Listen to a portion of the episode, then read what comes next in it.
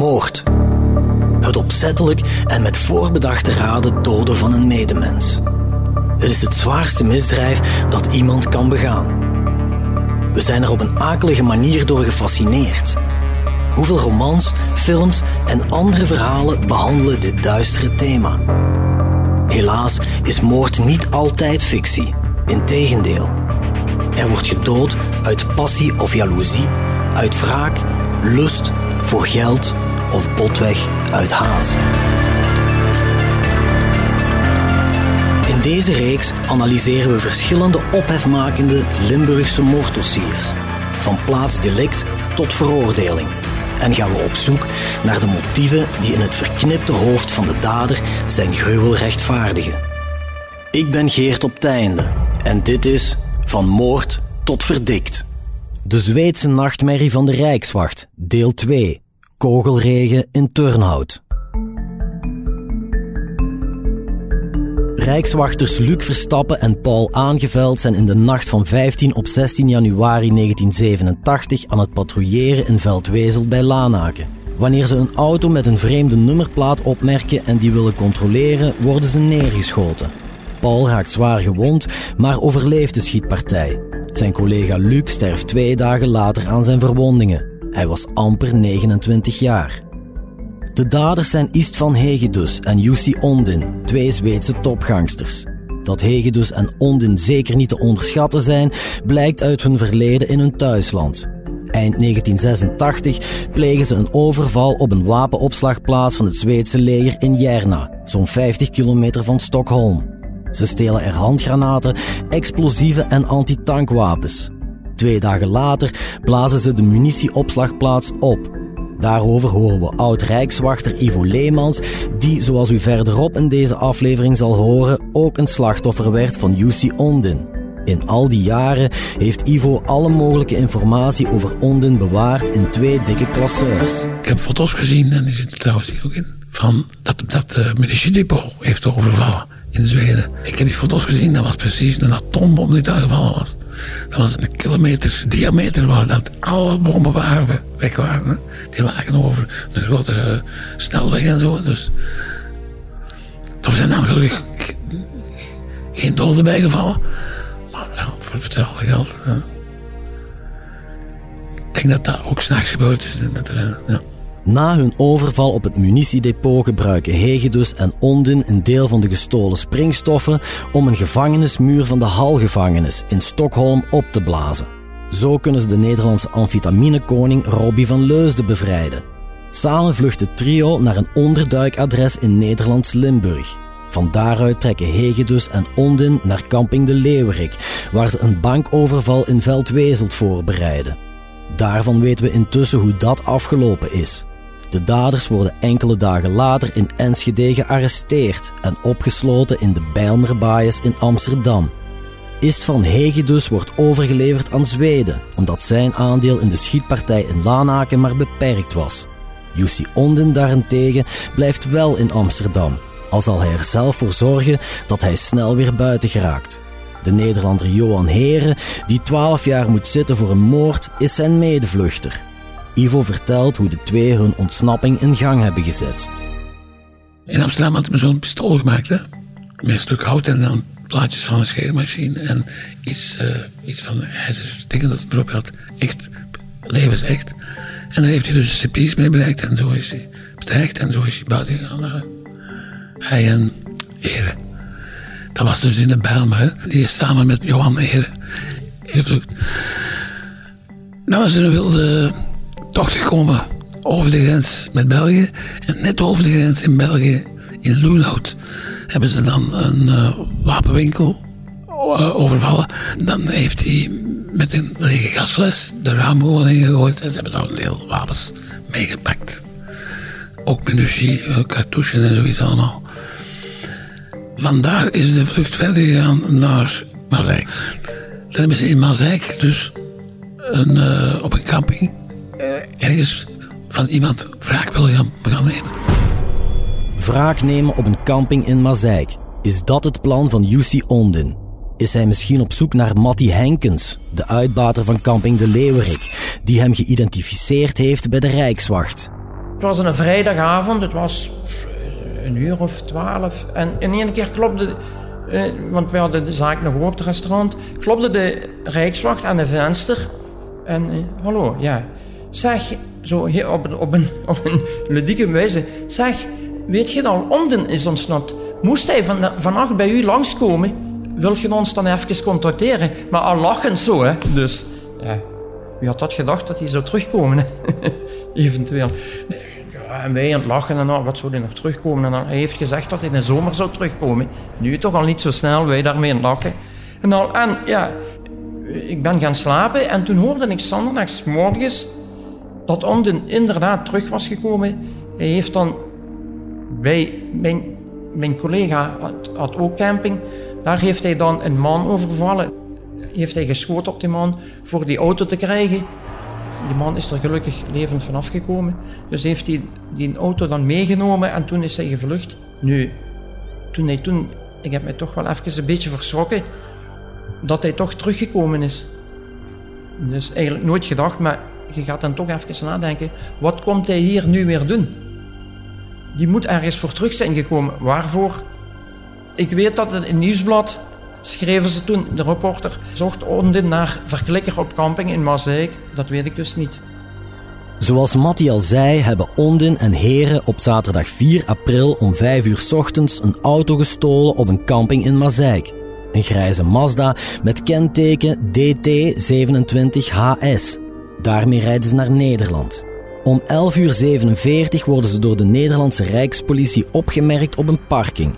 Daarop volgt een wilde achtervolging, terwijl er meerdere geweerschoten vallen. Tien minuten later stoppen Ondin en Heren voor een huis waar een man in de tuin werkt. Die man, de inmiddels overleden Kees de Kroon, wordt meegenomen als gijzelaar. Ze hebben dan een gijzelaar genomen. Toen de politie er dichtbij kwam, hebben ze een gijzelaar uit zijn tuin genomen. Uh, en dat was dan uh, Kees de Kroon. Dus hebben die man meegenomen, gegijzeld. En ze zijn dan in een bosje terechtgekomen waar dat de twee veldpolitiemannen van de politie, Bokstel, denk ik, werden aangetroffen. Waarvan dat ze ene om, onmiddellijk uh, hebben gegijzeld met de bedreiging dat ze die een burger zouden ombrengen als, als ze het wapen niet afgaven. Dus die ex-politieman heeft zijn wapen afgegeven. En uh, toen hadden ze eigenlijk pas eerst het eerste bruikbare wapen. Die andere hebben ze zijn wagen afgenomen en die hebben ze gewoon in het bos uh, achtergelaten. En dan zijn ze met die twee gijzelaars uh, richting België gereden, achtervolgd door de Nederlandse politie. Dan hebben ze een contact genomen via de boordradio van de politie. Ze hebben eerst gevraagd welk is het kanaal van de meldkamer. Maar dan heeft hij dat zelf gezocht, want Koolsmits, die politieman, die uh, wou dat niet vertellen.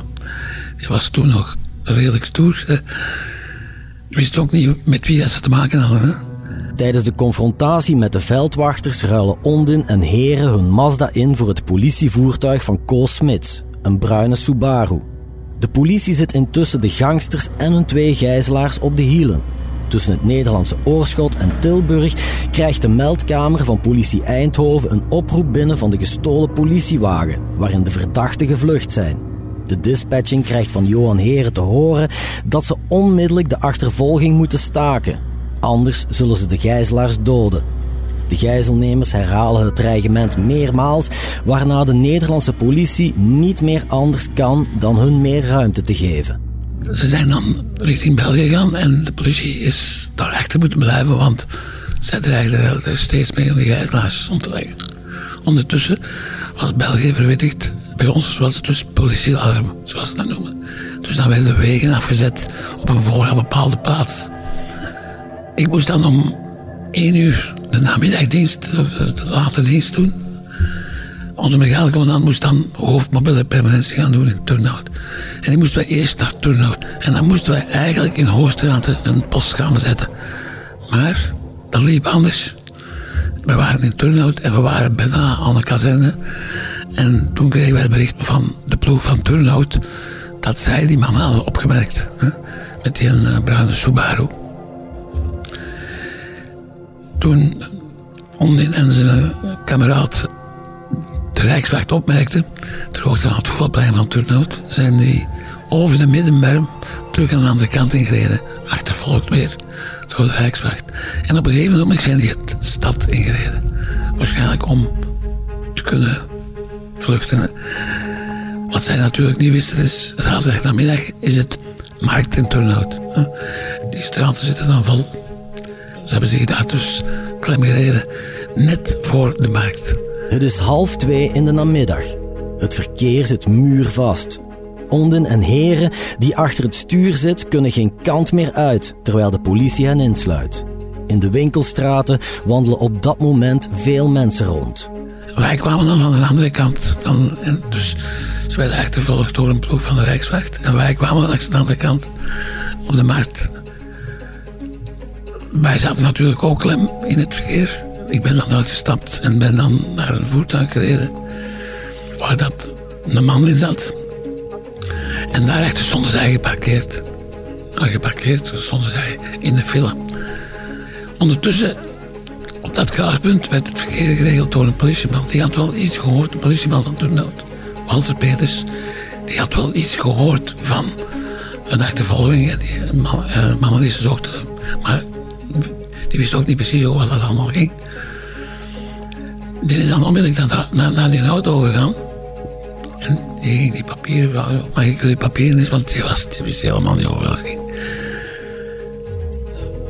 Dan ben ik ondertussen toen ook omgekomen. En op dat moment trok de bestuurder van de Subaru, van de, van de Nederlands voertuig, die trok een, een pistool tussen zijn. En die richtte dat op de politieman. Ik heb dan gereageerd. Had vanuit een auto naar achter in deze hoofd geschoten. Dus die is daar neergevallen. Ondertussen is onze combi aan de andere kant van de, van de straatje liggen. Daar zat dus mijn brigadecommandant en, mijn, en de chauffeur van onze auto in. Daar zijn ze dan ook direct op beginnen schieten. Ik wou dan van die geparkeerde auto achter onze auto meegaan om een beetje dekking te hebben. En onderweg zijn ik dan geraakt in mijn schouder. Ik ben dan neergevallen. Toen is onmiddellijk naar mij komen lopen. En die heeft mijn Uzi, want ik had een eh, machinegeweer. Of een machinepistool. En die wou dat afpakken. Heel veel geluk dat hij dat niet kende, want dat was met een handgreep. Dus je moet je duim achter in zo'n klepje duwen en dan schieten. Anders gaat dat niet, anders werkt. Hij schoot wel op mij, maar hij, ging niet af. Hè. Dat is uh, geluk geweest, maar... Dat hij de Uzi niet kan gebruiken maakt Onden woest. Vol adrenaline smijt hij de mitrailleur weg. Maar Onden weet van geen ophouden en hij grijpt het pistool van de gegijzelde Nederlandse politieman. En hij heeft dan van dichtbij, want ondertussen was ik zo een beetje op komen. En dan heeft hij mij een genadeschot gegeven op de koppen. Dus langs mijn linkeroog en dan zo. Dat was het dan voor mij natuurlijk. uh, ik ben dan nog wel uh, terug wakker geworden. Wakker geworden, dat wil zeggen bij bewustzijn even geweest nog. Als mijn brigade kwam, dan, als alles achter terug was, dan is mijn brigade kwam dan nog komen zeggen, komt in orde, Igo. Maar het kwam niet in orde natuurlijk, want ik zag niet dat het bloed onder mij. Dus ik dacht, dat is iets gebeurd met mij. Hè. Dat weet je zo. Terwijl Ondin en Heren zich focussen op de confrontatie met Ivo en zijn collega's, hebben ze geen oog meer voor de rijkswachters die hen langs achter besluipen. Ik had de chauffeur eerst al geraakt in zijn schouder. Maar die heeft dan toch nog uitgestapt. Die heeft toch nog ontziet geweest op mijn collega's. Die, bij mij waren. Maar ze hadden geen rechten meer in die, in die politie. Al die rijkswachters achter hun. En die hebben dan uh, daarvan gebruik gemaakt om die twee allebei neer te leggen. Ondin had drie kogels in zijn lichaam. En Heren is uit de plaats gestorven en met twee kogels. Er viel nog de gekwetste, Kees de Kron. Die zat achter in de auto, die heeft ook een kogel in zijn long gekregen. En die Koolsmits, die gegijzelde politieman, zijn epaulet, die was er gewoon afgeschoten. Daar hadden ze veel door kunnen vallen. Er zijn geloof ik in de 90 kogels afgevuurd. Op ja, 15 minuten tijd. Het nieuws van de schietpartij zet heel België en Nederland op hun kop. Tot op de dag van vandaag staat die beruchte zaterdag 4 april 1987 in het geheugen van veel mensen gegrift. Het was markt, hè. Uh, als men er nu over heeft, dan de mensen die, die van die leeftijd dat nog wisten, die zeggen het allemaal van, ik was daar toen. En er waren heel veel, hè, wat de steek van Turnhout. Ja, ja, want ik was toen in die winkel. Ja, want ik was er vlakbij. Of, tien minuten geleden was ik daar. Hè. De kogels zaten bij de Chinees. In, die zitten er nog in trouwens. In de marktkramen zaten verschillende kogels. In de banden waren kapotgeschoten. Een verkeersplaatje dat er nog lang gestaan heeft van rechts verplichte richting. Uh, zo van die dingen. Achter mij, ik weet nog toen ik achter die auto lag, dat er achter mij een man lag met zijn, met zijn zoontje. Over zijn zoontje over, zo, op, de, op het trottoir. Er, er waren tientallen verhalen van mensen die erbij betrokken waren dichten. Er zijn er die daar in de winkel een bronvisie lag op de stoep. Die man met die bronvisie is de winkel binnengevlucht. De tol is groot. Johan Heren, de neergeschoten gangster, sterft. Jussi Ondin wordt drie keer geraakt, terwijl gijzelaar Kees de Kroon één schotwonde oploopt. De Nederlandse veldwachter Koos Smits komt er vanaf met een schampschot en rijkswachters Walter Peters en Ivo Leemans raken ernstig gewond. Ik had een kogel door mijn hoofd en die is diagonaal door mijn, door mijn hoofd gegaan. Wat normaal volgens de chirurgen niet kan. Want daar zitten twee hoofdstadgaders. De ene gaat naar de westen, de andere komt terug. Hij is daartussenin gegaan op een onverklaarbare manier. En hij is daar blijven zitten. En op de scanner in het ziekenhuis tikte de, met een hoofdstadgader tegen die kogels die erin zat. Dus dat was ja, millimeterwerken. Anders ben je binnen de twee, vier minuten ben je dood. Hè. Wat er van overgebleven is, ja, dat natuurlijk verschillende zenuwbanen worden onderweg doorgeschoten. Dus ik heb een uh, gelaatzenuw die, dat is helemaal voorstellen. Een tong die, en die steekt altijd naar rechts. Stembandverlamming. Ja, slikproblemen, maagproblemen die daaruit voorkomen. Er allemaal nog. Maar ja, natuurlijk ben ik ook. Dat is een kunstwoord. Ik ben er ook kwijt.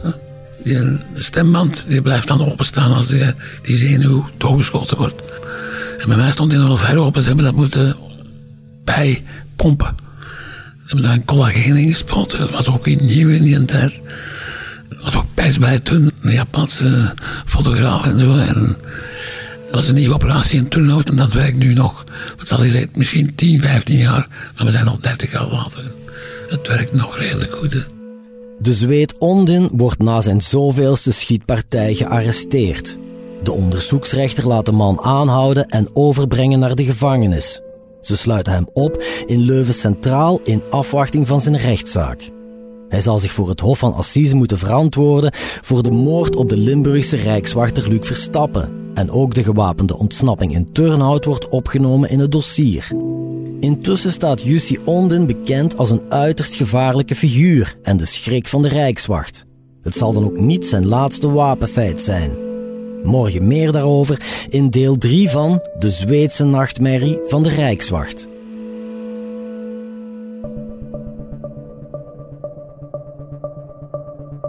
U luisterde naar Van Moord tot Verdikt, een true crime reeks van HBVL Podcast. Samenstelling door Geert op Teinde, Philippe Pergis en coördinator Cato Poelmans. Montage en audioproductie door Wart Houbrechts. Chef podcast is Geert Nies. Reageren? Dat kan via podcast@hetbelangvanlimburg.be.